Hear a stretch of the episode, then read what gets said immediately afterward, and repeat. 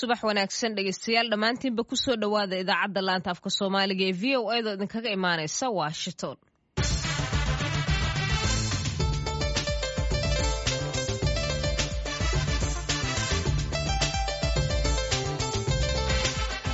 Febraayo saaka waa sagaal iyo toban sanadka labada kun iyo saddex iyo labaatanka waa aroornimo axad ah waxaad naga dhagaysanaysaan mawjadaha gaagaaban ee lix iyo tobanka iyo sagaal iyo tobanka mitrban iyo boggeena internetka ee v o a somaali com. Waxaana saacaddu ay tahay xaggiina afrikada bari lixdii iyo barkii aroornimo. Idaacaddana waxaa idinla socodsiinaysa saaka anigoo ah sahra cabdi axmed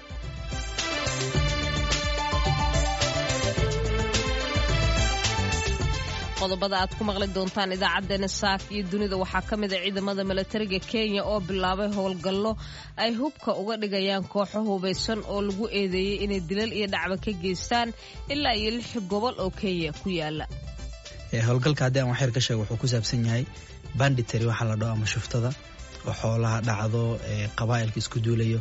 Marka hadda heer waxay gaartay ilaa inay weerar ku qaadaan ciidamada iyo amniga iyo waxyaaba badan ay saameyn ku yeeshaan waxaad sidoo kale maqli doontaan magaalada jigjiga oo darawallada gaadiidka dadweynaha ay shaqo joojin sameeyeen. Sidoo kale waxaan idiin haynaa dhallinyarada ku dhaqan kanada qaarkood oo ka qayb qaadanaya waxbarashada carruurta gobollada soomaaliya qaarkood. Qodobadaasi iyo warar kale oo soomaalida ku saabsan ayaad maqli doontaan balse marka hore ku soo dhowaada warkeennii dunida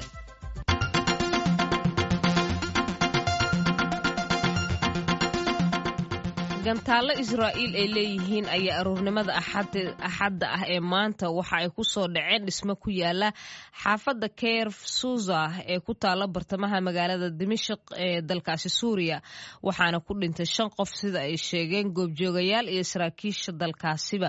Gantaalkaasi ayaa waxa uu ku dhacay meel u dhow dhismo weyn oo ammaankiisa si weyn loo ilaaliyo oo ku taallo xarun markaasi xarumaha bartamaha ee ku yaalla waddankaasi weerarkan oo ahaa mid dhif iyo naadir ah oo lala beegsaday xaruntan ayaa waxyeello u geystay dhowr dhismo oo ku yaalla degmadan dadku ay ku badan yihiin ee ku dhow fagaaraha omayed ee bartamaha caasimadda halkaasi oo dhismayaal dhowr ah oo ammaanka kuwa qaarkood looga arrimiyo dalkaasi ah iyo xaafado deegaanba ay ka agdhow yihiin. Saraakiil ka tirsan booliiska ayaa warbaahinta u sheegay inay jiraan dhowr qof oo dhaawacyo ay soo gaareen. Afhayeen u hadlay israa'iil ayaa diiday inuu faallo ka bixiyo sababaha iyo waxa keenay xilligan in gantaaladooda ay ku dhacaan suuriya in ka badan sagaashan milyan oo qof oodada ayaa isu diiwaangelisay inay codkooda dhiibtaan dalka nigeria. Halkaasi oo madaxweynaha wadankaasi maxamedu buhari uu xilka ka degayay kadib markii uu dhammaystay labadii jeer ee dastuurka dalkaasi u ogolaaday ee inuu madaxweyne noqdo ah.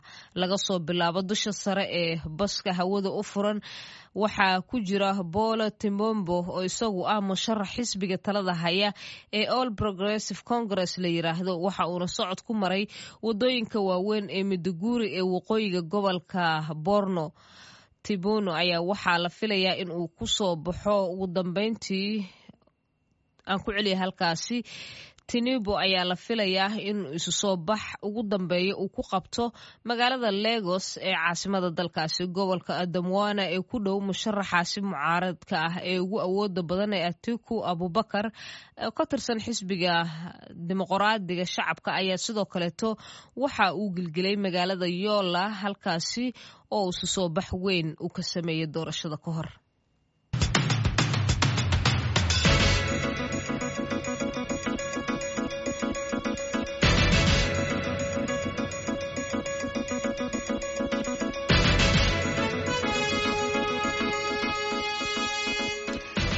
warkaasi dunidana intaasi haddaan uga gudubno aan ku bilownay ciidamada milatariga dowladda kenya ayaa bilaabay howlgallo ay hubka uga dhigayaan kooxo hubaysan oo ku eedeysan inay dilal iyo dhacba ka geystaan ilaa iyo lix gobol oo ka tirsan dalkaasi kenya. Ciidamada milatariga ayaa lagu daadgureeyay gobollada maalmihii la soo dhaafay laga dareemayo xaaladaha ammaan darrada ah si ammaanka gacanta loogu soo celiyo.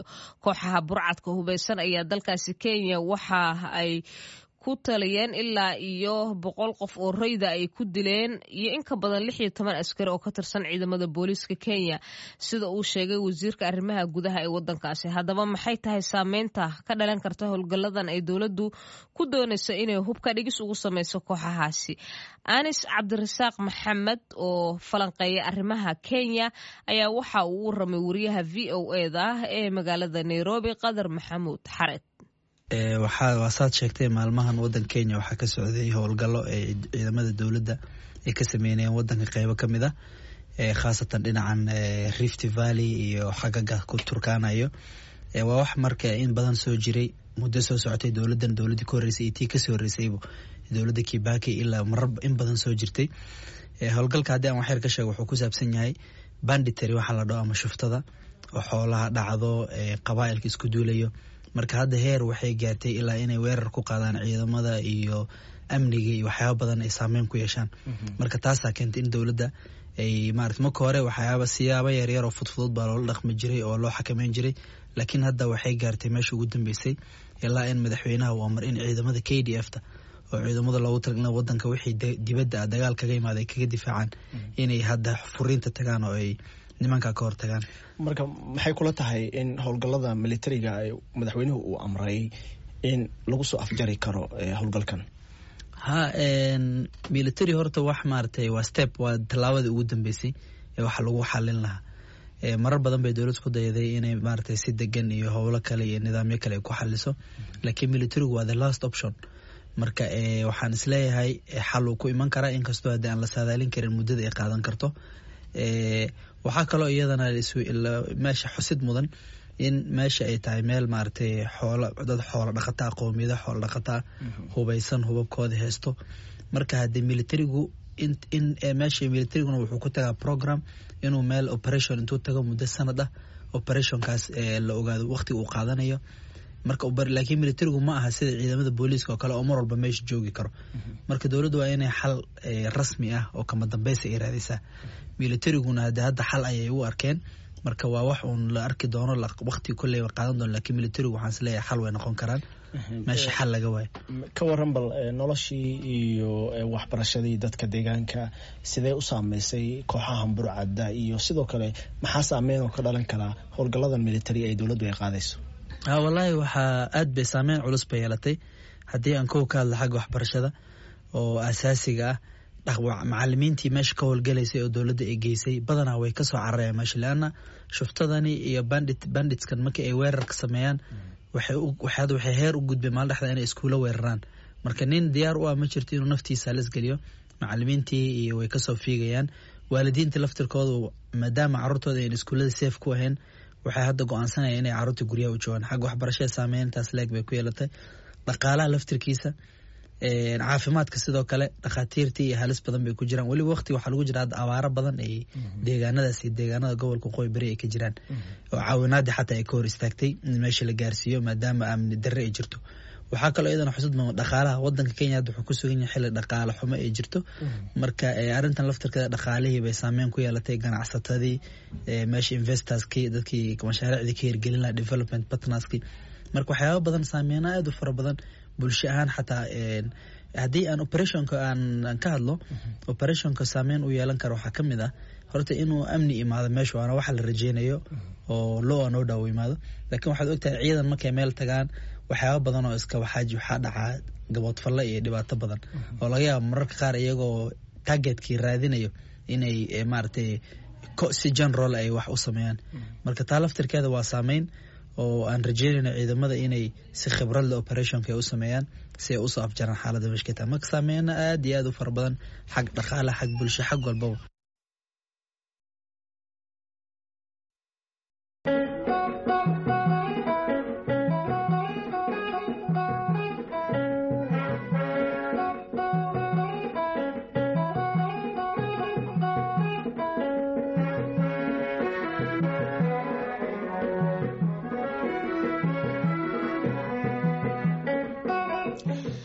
waa tahay.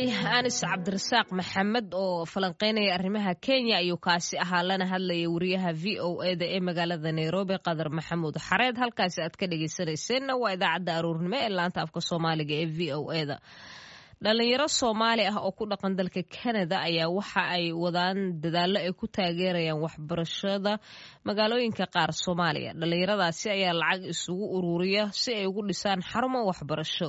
Wariyaha v o eda ee canada xuseen nuur xaaji ayaa warbixinta nooga soo diray halkaasi.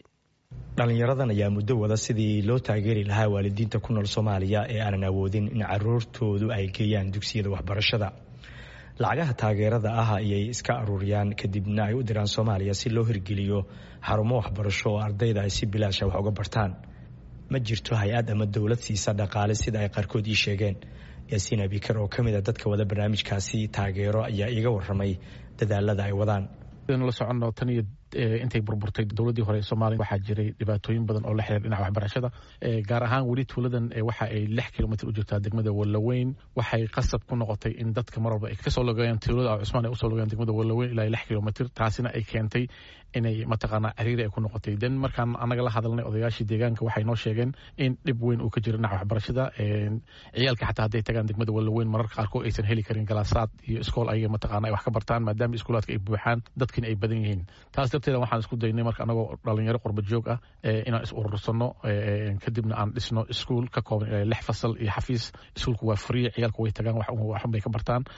Waana muhiim in dhalinyarada laga caawiyo dhinaca waxbarashada. Haddii kale sidaan la socno soomaaliya waxa hadda inta badan dadka dib u dhiga waa dhinacan jahliga iyo waxbarasho la'aanta. Marka waxaan ku dadaalanaa in dhalinyarada ay wax bartaan islamarkaana ay noqdaan dad mustaqbalka soomaaliya beri wax u qaban kara dhowaanahan waxaa soo kordhayey fahamka dhalinyarada soomaalida ee dalka iyo dibadda ee ku aadan sidii loo xoojin lahaa waxbarashada dalka islamarkaana loogu shaqayn lahaa si iskaa wax u qabso ah si loo kobciyo garaadka bulshada rofeor xuseen warsame oo bare ka ah jaamacadda kaalgari ee dalkan kanada ayaan xilli sii horreysay weydiiyey aragtidiisa ka aqoon-yahaan ee ku saabsan dadaalada waxbarasho ee ay wadaan dhalinyarada dadaalka dhallinyarada ay ku hirgelinayaan xarumo waxbarasho iyo caafimaad waa wax aad iyo aad loogu farxo. Horta marka horeda waxaa la yidhaahdaa ma habboona runtii in la sheeg sheego sadaqada iyo waxtarka in la sheegsheegaa ma fiicna.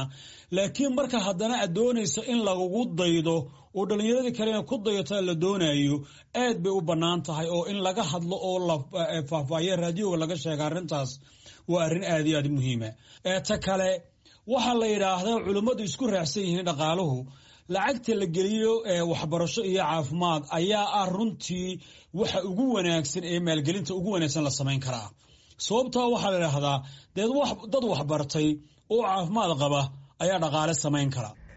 Hay'adda qaramada midoobey u qaabilsan waxbarashada ee unesco waxay sheegtay in dagaalada iyo abaaraha rigaadiyey soomaaliya ay sababtay in carruur badan aysan helin waxbarasho laakiin dad badan ayaa aaminsan dadaalada dowladda hay'adaha gaarka loo leeyahay iyo dhallinyarada soomaalida ee dhisaya xarumaha waxbarasho ay wax ka bedeli karto xaaladda waxbarasho la'aan ee haysata carruurta soomaalida. Xuseen nuur xaaji v o a toronto.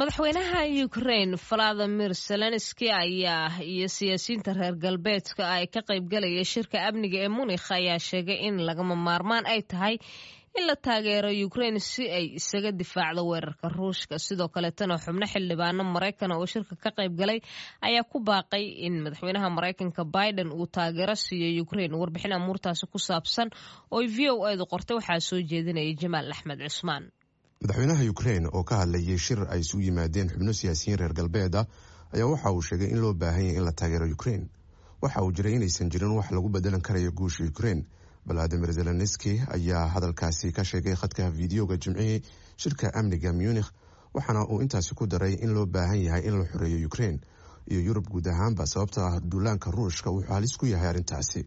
Sidoo kale kulanka waxaa ka qayb galay wafdi ka socday xildhibaano maraykan ah ilaayo konton gaaraya kuwaas isugu jira xubnaha xisbiyada kala gedisan ee maraykanka oo doonaya inay taageero u muujiyaan ukrain afar wafdi oo ka kala socday madaxda dimuqraadiga iyo jamhuuriga iyo xubno ka kala socday aqalada sare iyo kan hoose ee baarlamaanka maraykanka ayaa shirkaasi ka qayb galay. Siyaasiyiin iyo saraakiil ciidan diblomaasiyiin kale ayaa sidoo kale goobjoog ka ahaa. Wafdiga mareykanka ee shirka amniga munikh ayaa ah mid ka mid a kii ugu weynaa ee ay halkaasi uga qayb galaan tan iyo shirkaasi markii la aasaasay. Waxaana siyaasiyiintu ay sheegeen inay doonayaan inay xaqiijiyaan taageerada mareykanka ee ukraine duulaanka ruushka ee ukraine ayaa xaqiijiyey isbahaysiga neto iyo midooda yurub inay u midoobaan sidii ay taageero uga heli lahaayeen koongareeska mareykanka. Waxaan halkan u joognaa inaan fariin cad u dirno shirkan iyo qof kasta oo adduunka ah. Mareykanku wuxuu ku dhisan yahay laba xisbi gebi ahaanba ka dambeeya dadaalka caawinta ukraine mitch mcconnell oo ah hogaamiyaha aqlabiyadda yar ee jamhuuriga ee sanadku uu dimuqraadiga maamulo ayaa u sheegay wakaalada wararka ee reuters kadib markii ay kulmeen siyaasiyiin jarmalka oo conservatifeka ka tirsan. Koox sharci yaqaana ah oo laba geesooda ayaa si toosa uga cadaadinaya madaxweyne joe biden inuu u diro wadanka ukraine diyaaradaha dagaalka ee f shan xubnood oo ka tirsan aqalka sare ayaa ku doodaya warqadda khamiistii u diran biden. Oo ay politico heshay in diyaaradaha casriga ee kiev ay raadinayso in ay wax weyn ka tari karayso xaqiijinta maamulka hawada ee ukraine oo hadda dagaal kula jirta ruushka. Bixinta diyaaradahan oo kale waa lagama maarmaan si ay u caawiso ukraine si ay u ilaaliso hawadeeda gaar ahaan marka loo eego weerarada ruushka ee soo cusboonaysiiyey iyo tixgelinta kordhaysa ee ka imaaneysa dalkaasi ukraine ee ku aadan xaqiijinta ammaanka hawadeeda ayay xildhibaanadu ku qoreen warqadda.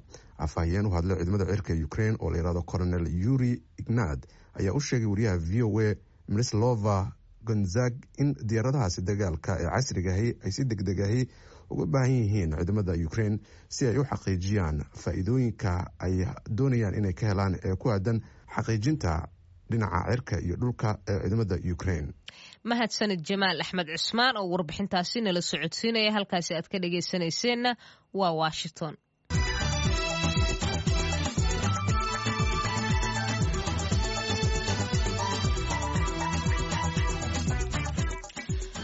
wadayaasha gaadiidka yaryar ee bajaajleyda ee magaalada jigjiga ee caasimada dowla deegaanka soomaalida ayaa cabasho xoogan ka muujiyey shidaal la'aanta meelaha qaarkood magaalada ka jirta gaar ahaana shidaalka nooca bensiinka loo yaqaano gabowsi ah.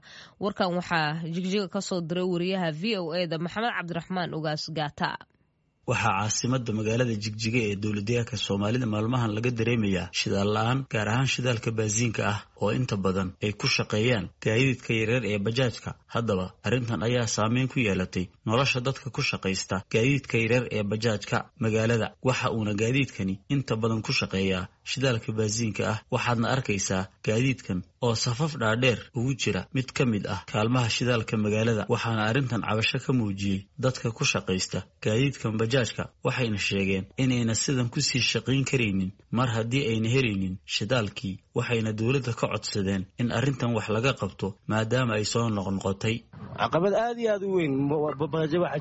caqabad aad iyo aad u weyn baajo waxaa jira maxaa ciyaala lagu biilinayo de marka ciyaaladii la biilinayay maanta kadhan markuu warafaa ku jiro lhelayn ciyaal marka maxaa la biilin dowladda aad waxaan uga codsanaynaa in shaqada bensiilka in aadna looga qabto. Bismillahi raxmaan raxiim magacayga anigoo yahay axmed weli maxamed xirsi ku nool magaalada jijiga caasimada dowladda deegaanka soomaalida. Ka mid a bajaadlayaasha dadka gaadiidka yararka ku adeega waxaa jirta magaalada waxoogaa culays baansiin la'aana oo batroolka ay ku adeegaan ama ay ku shaqeeyaan gaadiidka yararka ee magaalada ka shaqeeya. Culays badan ba hawsha runtii ka jira. Hadda aniga bajaajtan aan ku jiraay waa way maran tahay shidaal kuma jiro. Maanta shaqadaydii intaan ka tegay oon doontay baa waxaan soo maray ugu yaraan toddoba ilaa sideed kaalmood baan soo maray. Hal mid baan ugu tegayo wax lagu shubayo midaana kuyuu aad u dheer baa loogu jiray. Marka waan geli kari waaya kuyuugii waan iskaga imid meel baan iska dhigay. Kadibna lagu haygaan isticmaalayaa waxaan marka codsanaynaa haddaanu nahay dadka gaadiidka yararka ku shaqeeya ama xafiisa ha u shaqeeyaan ama ganacsada caadi ha noqdaane. Bal hawshaa dowladdu inay hoos u eegto insha allah sidii wax looga xallin lahaa ee wax looga qaban lahaana ee laysla gorfeeyo oo dhinacyo badan laga istaago si xal looga gaadho waxaan ahay darawal bajaajle waxaana la rafaadsannahay shidaalkii baasiinkii maanta waxaan ku jiraa saf saaka laga bilaabo ilaa hadda saacaddan aan taagannahay oo casarkiia taasina waa dhibaato. Maalin haddaad shaqaysato maalintii kale inaad saf istaagto ayay kugu kalifaysaa. Marka sidaa darteed waxaan leenahay inaan helno. Naaftadii ayaan ku khasbannahay ee baasiinkii inaan helno. Qoysahaan waxay ii saamaysayba shaqadii maalintii haddaan fadhiyo oon saf ku jiro wax soo saarkaygii meesha uu ka baxayba. Marka waxaan leeyahay sidan isimeeha xal ha la raadiyo. Dowladdu inay xal raadiso haddii kale inaan tahriibno oon bajaajyada iska dhigno weeyaan dhanka kale waxaan la xidhiiray xafiiska ganacsiga iyo gaadiidka dowladdeegaanka soomaalida si ay uga jawaabaan cabashada bajaajlayaasha gaar ahaan maxamed nuur oo ah agaasinka daraasaadka dabagalka ganacsiga ee xafiiska ganacsiga iyo gaadiidka dowladdeegaanka soomaalida. Waxa uuna ii sheegay inay jirto shidaalyari guud ee dhanka baasiinka ee dalka iyo deegaankaba oo iska dhimay. Goobihii uu ka iman jiray waa siduu hadalka u dhigay maxamed cabdiraxmaan gaataha v o a magaalada jigjiga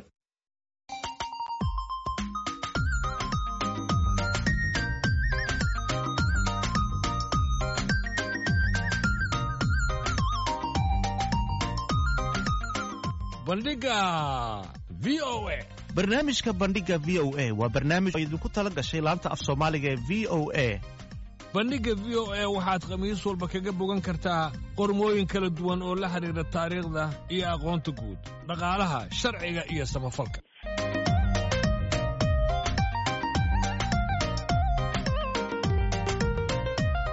haddii aad rabto inaad wax ka ogaato taariikhda dunida iyo aqoonta guud ha moogaan bandhigga v o a. Bandhiga v o e kala soco laanta af soomaaliga ee v o e maalin kasta oo khamiis ah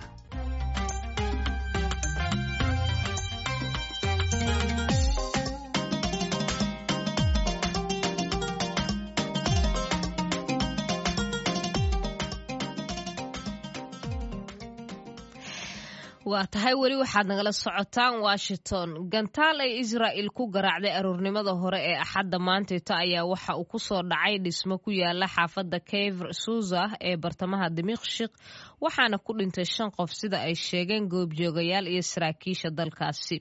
Gantaalkaasi ayaa waxa uu ku dhacay meel ku dhow dhismo weyn oo ammaankiisa si aada loo ilaaliyo oo ku dhow xarunta ama xarumaha iiraan waxaa warkan oo ah mid weerarkan oo dhifiya naadira lala beegsaday xaruntaasi waxyeelo uu geystay dhowr dhismo oo ku yaalla degmadan ay ku badan yihiin dadka ee fagaaraha omayda ee bartamaha caasimada ku taala halkaasi oo dhismayaal dhowr ah oo ammaankooda aada loo ilaaliyay xaafado la degan yahayba isugu jira saraakiil ka tirsan booliiska ayaa warbaahinta dowladda u sheegay in ay jiraan tiro dhimasho iyo dhaawac oo dad ah afhayeen u hadlay israa'iilna waxa uu diiday inay faallo dhankooda ka bixiyaan weerarkan ay geysteen gantaalada in ka badan sagaashan milyan oo qof ayaa isu diiwaangelisay inay codkooda dhiibtaan doorashada nigeria halkaasi oo madaxweynaha wadankaasi maxamedu buhari uu xilka ka degayay kadib markii uu dhammaystay muddo xileedkiisii labaad ee dastuurka dalkaasi uu ogolaa laga soo bilaabo dusha sare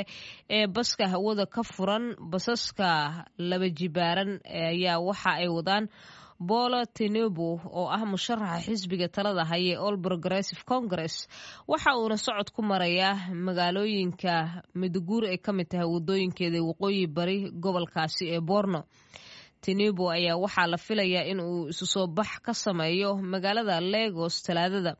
Gobolka adamwara ee ku dhow musharaxiinta ee iyagu ka soo horjeeda dowladda gaar ahaan midkooda ugu weyne etiku abubakar oo ka tirsan xisbiga dimuqraadiga shacbiga ayaa isna sidoo kaleeto yeelanaya isu soo bax ka dhacaya magaalada yola halkaasi oo dad fara badani ay isugu imaanayaan ka hor xilliga doorashada.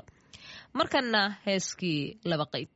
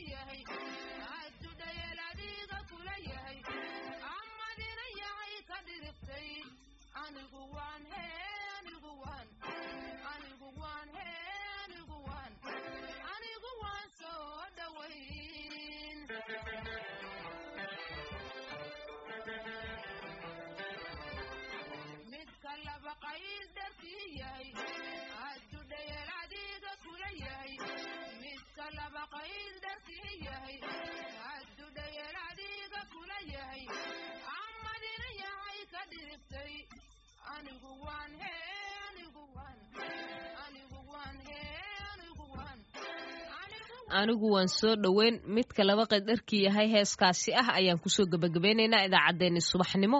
Intaynu mar kale hawada ku kulmi doonno waa anigoo sahre cabdi axmed iyo dhammaan bahda v o eda idin leh. Ismaqal dambe xiise leh